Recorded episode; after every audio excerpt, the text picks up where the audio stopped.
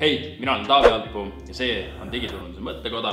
tänases osas räägime tarbimisharjumuste muutumistest äh, digikanalites ja kuigi esmapilgul võib tunduda, et äh, kuidas need tarbimisharjumused muutunud, nad lõppkokkuvõttes ikka inimesed kasutavad Google'it, nad äh, käivad Facebookis, nad kasutavad Instagrami, siis tegelikult on ikkagi sellised väiksed nüansid. That's That's pretty average. I don't, I don't know what you're, those, that's normal size. Ähm, kerge sellise head start'i trendide arvestamisel ja täna tahakski keskenduda sellisele kolmele põhilisele trendile või harjumusmuutumisele, millele ma siis B2B sektoris kõige enam sellist suuremat muutust näen. esimene trend on social selling, mida te ilmselt olete kuulnud väga palju ka LinkedInis. LinkedInil on tegelikult social selling indeks olemas, mida on siis võimalik vaadata ja näha, et kuidas sa siis oma social selling ut teinud oled mm,. ta on niisugune kaheldava väärtusega samas jällegi ta annab hea indikatsiooni, et mis tegevused aitavad sul social selling ut paremini teha ja mis mitte, et kui sa ei ole sellesse väga süübinud, siis ta annab niisuguse hea esialgse juhise, millest äh, siis juhinduda social selling'u tegemisel. nüüd minnes selle termini juurde, siis otsetõlkes oleks see justkui sotsiaalmeediakanalites müümine, tegelikult see päris nii ei ole. What? Bro, what are you talking about, man? On kombinatsioon siis müügist ja turundusest. esialgselt äh, LinkedInis kas või social selling äh, paigutati pigem müümise cold calling'u alla. Cold calling äh, viidi üle siis sotsiaalmeediakanalisse nimega LinkedIn. tänu sellele siis hakati inimestele vestlus chat idesse kirjutama ja pakkuma siis oma teenuseid ja tooteid ja nii edasi. lõppkokkuvõttes täna on see kulmineerunud sellega, et inimesed lihtsalt ignoreerivad neid inimesi, kes sellist asja teevad ja sisse ongi toodud see social osa sellest social selling'u terminist, ehk siis äh, sotsiaalmeedia kui selline on ju kanal või koht, kus inimesed omavahel sotsialiseeruvad, kus nad omavahel suhtlevad, kus nad räägivad, vahetavad mõtteid, annavad üksteisele sellist lisaväärtust, ei tegele otseselt müümisega, siis nüüd ongi see social selling'u shift toiminud või toimunud just selle sotsiaalse aspekti suunas. ja kui varasemalt tegelesid sellega müügiinimesed, siis täna on ikkagi rohkem juhtivtöötajaid sellega tegelema asunud ja põhjus on lihtne. Social selling täna võimaldab ettevõtetel oma sõnumit kommunikeerida väga personaalsel viisil massidele. ehk siis äh, juhtivtöötajate kontaktivõrgustik saab siis selle juhtivtöötaja käest äh, selliseid igapäevaseid või iganädalaseid, igakuiseid sõnumeid, äh, mida ta muul viisil võib-olla ei tarbiks muul viisil ma mõtlen seda, et näiteks bränd ise oma ettevõtte lehe alt postitab, see ei jõua võib-olla selle inimese newsfeed'i, võib-olla teda üldse ei huvita see, küll aga teda huvitab näiteks Taavi Alpuu ja siis ta vaatab sealt LinkedInist, mida Taavi kirjutab ja siis tal tekib ka äh, seos Moliveriga. et see on see koht, kus social selling täna on üha rohkem mängu tulnud turunduslikult ja põhjus on ka lihtne, inimestel meeldib suhelda inimestega, inimestel meeldib infot tarbida siis teiste inimeste kaudu, äh, mitte just äh, ilmtingimata brändide kaudu ja LinkedInis äh, tegelikult see on hea selline indikaator, et seal see info liigub niimoodi, enamus uudisvoost on üles ehitatud inimeste postitustele, mitte ettevõtte lehtede postitustele. seetõttu nähakse ka selles suuremat potentsiaali just B2B sektoris ja kui mõelda sellele, et äh, mis see süsteem social selling'u taga on, siis tegelikult on äh, seal äh, kuus alapunkti. esimene neist on see, et ole oma sotsiaalmeedia tegevustes aktiivne, säilita autentsus, ehk siis ära proovi olla keegi, keegi teine, ära proovi olla keegi teine, kes sa tegelikult ei ole teine punkt on see, et räägi probleemist, mida sinu ettevõte lahendada aitab ning näita, kuidas sa seda lahendad, näiteks siis tõestusmaterjali too sellest, kuidas sa seda probleemi lahendad, olgu siis need mingid case study'd, testimonial'id, mingi statistika, podcast'id, midagi sellist.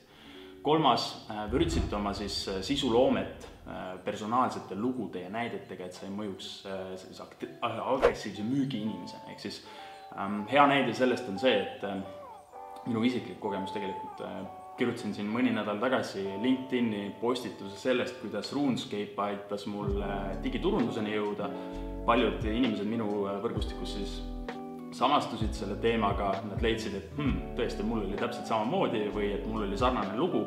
Ja tänu sellele siis äh, ma sain nende inimestega rohkem samastuda, emotsionaalsel tasandil paremaid suhteid luua ja tänu sellele siis me oleme nüüd ka äh, mõne inimesega sealt äh, nagu seda diskussiooni edasi viinud, et sellist sisuloomet personaalsete lugudega täiendades ja näidete näidetega välja tuues tegelikult sa mõjud oluliselt autentsemana ja suudad siis emotsionaalsel, emotsionaalsel tasandil tihedamaid suhteid luua.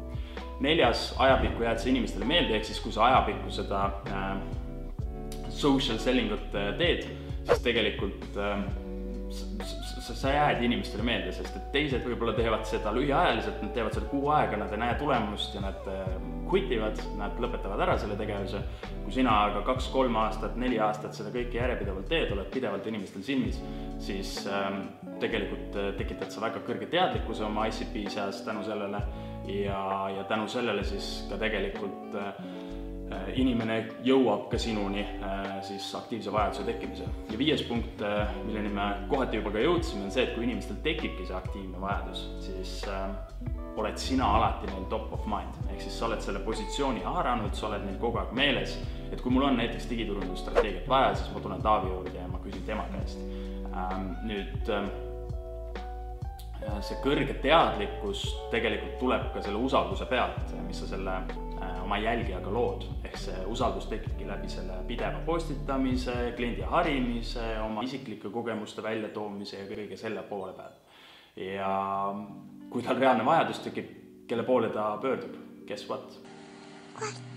eks ikka sinu poole, sest lõppkokkuvõttes sina oled tal meeles, sina oled talle väärtust andnud, ta ei lähe Google'i otsingusse kedagi, äh, kellegi võhivõõra juurde ja ei küsi tema käest, et kuule, äkki sa saad mind digiturundusega aidata. kuues punkt siis äh, sotsiaalse kohaloleku ja kommuunile väärtuse pakkumise tulemusel toimubki müük, hence social selling. ehk siis äh, kogu see nii-öelda eelnev tegevus selle ümber, selle müügi ümber äh,, see toetab seda müüki, see lõpuks viib müügini, küll aga see müük ei ole agressiivne, see ei ole see, et ma panen nüüd endale eesmärgi, et täna on äh, ma ei tea, kakskümmend neli september ja ma tahan kahekümne seitsmendaks septembriks endale uue kliendi leida, see ei ole see siis klient tuleb pika aja peale, sa tihtipeale ei tea, millal ta tuleb, ta võib tulla nädala pärast, ta võib tulla kolme kuu pärast, aga ta võib ka tulla seitsmekümne kahe kuu pärast, et sa ei tea kunagi, millal see klient tuleb.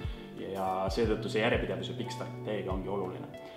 To success siinkohal ongi see, et sa ei müü, ära ole agressiivne, sa oled sotsiaalne, sa tood äh, esile, millega sa tegeled ja miks sa seda teed, sa pakud väärtust, aga sa ei müü.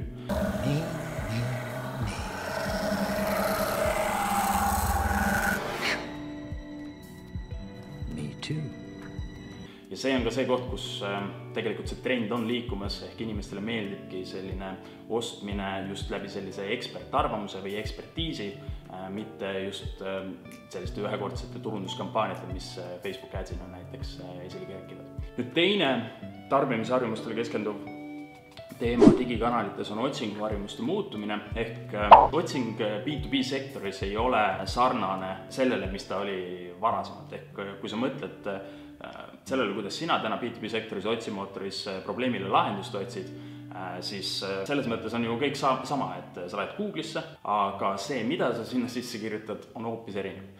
lisaks on tekkinud erinevaid lisakanaleid sellele, kust informatsiooni otsida, et näiteks Youtube'ist, mis on number kaks otsimootor maailmas, Facebook, Reddit, Amazon, Bingi kasutatakse siiamaani ja neid teisi lehti on veel. täna isegi tegelikult TikTok on äh, väga, väga suur otsimootor, äh, mida, mida kasutatakse.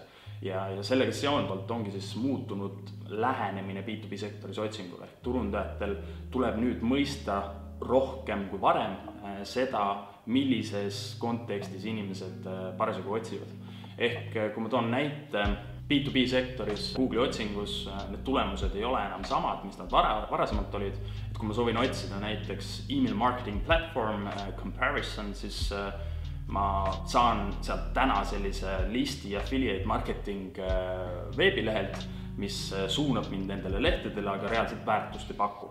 ehk mina digiturundajana ei taha seda informatsiooni, ma tahan väga konkreetselt teada, millised on kõige paremad lahendused, mida inimesed reaalselt soovitavad ja milliseid võimekusi see platvorm pakub.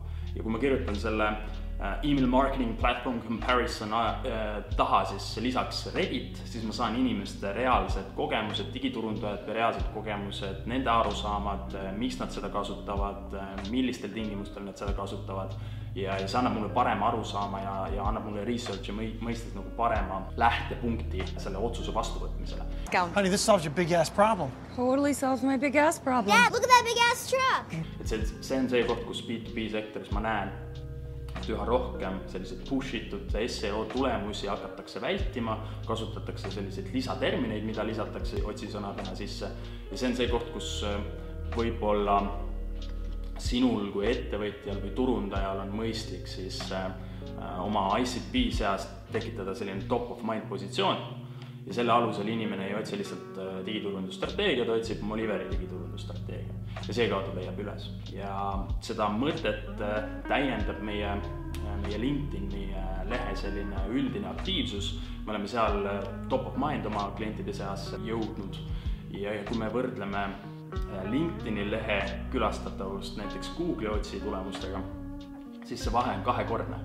Ehk äh, LinkedIni lehte külastatakse kaks korda tihedamalt kui Google'i ja see on see põhjus, miks äh, inimesed ka meie, meie, meie, poole nagu rohkem jõuavad, et me oleme selle top of mind tekitanud ja kui nüüd täna on vajadus, et eelarvestamine tuleb ja on vaja digiturundusstrateegiat luua, siis tullakse lõppkokkuvõttes ikkagi meie juurde ja küsitakse meie käest seda teenust. see on, see on teine punkt siis äh, B2B sektoris äh, harjumuste muutumisest.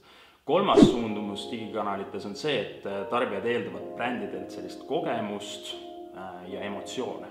Nad eeldavad, et bränd peegeldab selle kommuuni või siis jälgijate selliseid tõekspidamisi.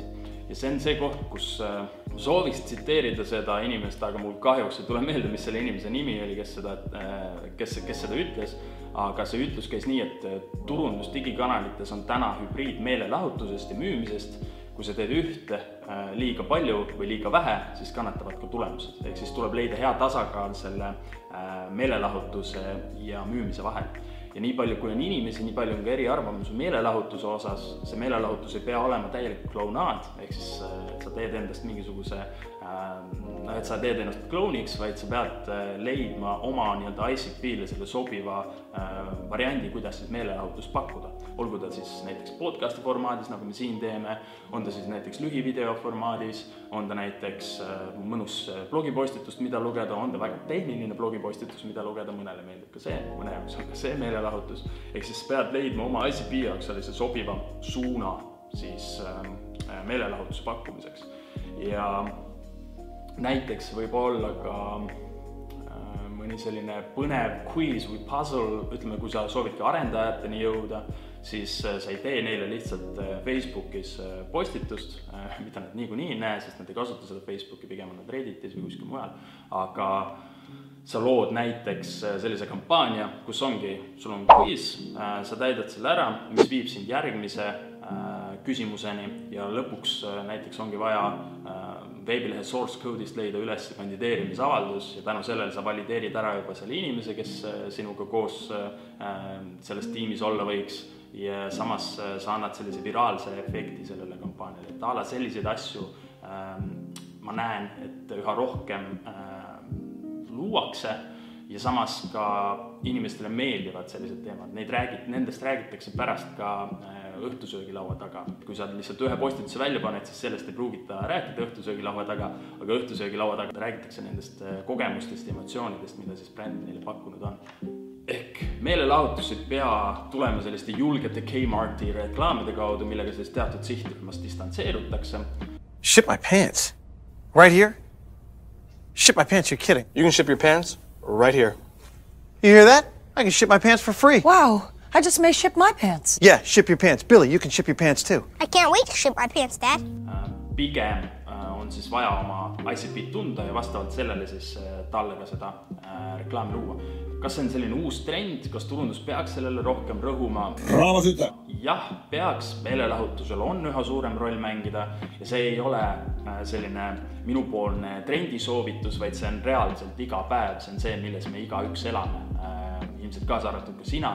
Tõestuseks paar fakti, äh, miks meelelahutuse osakaal on kasvanud ja miks ta jätkab kasvamist ja miks brändid peaksid sellega tegelema, on see, et lühivideod.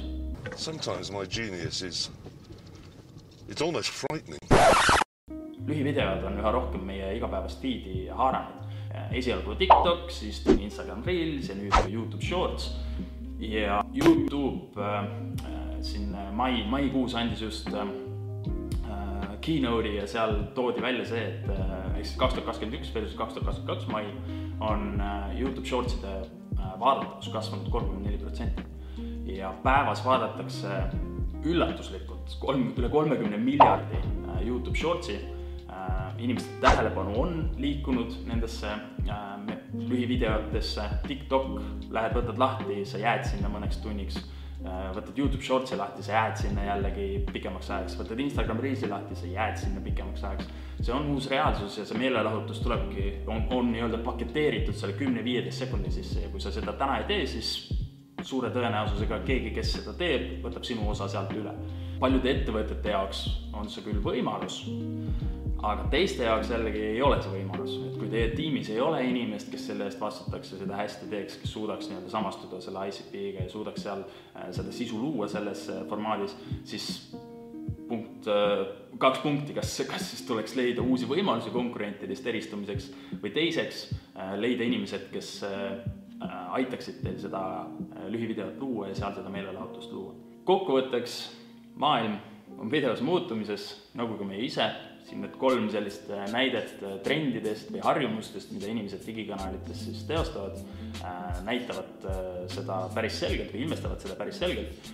ja ilmselt ma julgen arvata, et kas siis vähemal või suuremal määral tundsid sa nendest trendidest ka iseenda ära ja kui see nii on, siis mõtle natuke enda igapäevasele tegevusele, võta korra kaks sammu tagasi ja proovi paika panna see list nendest harjumustest, mis sa näed, et viimase kuue kuu jooksul sinu tegevuses muutunud on. nüüd võta see list ette, mine oma klientide juurde, räägi nendega, kuidas nemad tarbivad seda sisu siis sotsiaalmeedias, millist sisu nad tarbivad, kuidas nad näiteks otsingut kasutavad, milliste terminitega nad teie valdkonna kohta otsivad ja nii edasi ja edasi ja sealt sa saad päris huvitavaid selliseid golden nugget'id, mida sa saad kasutada siis oma digiturundusstrateegia ülesehitamisel ka.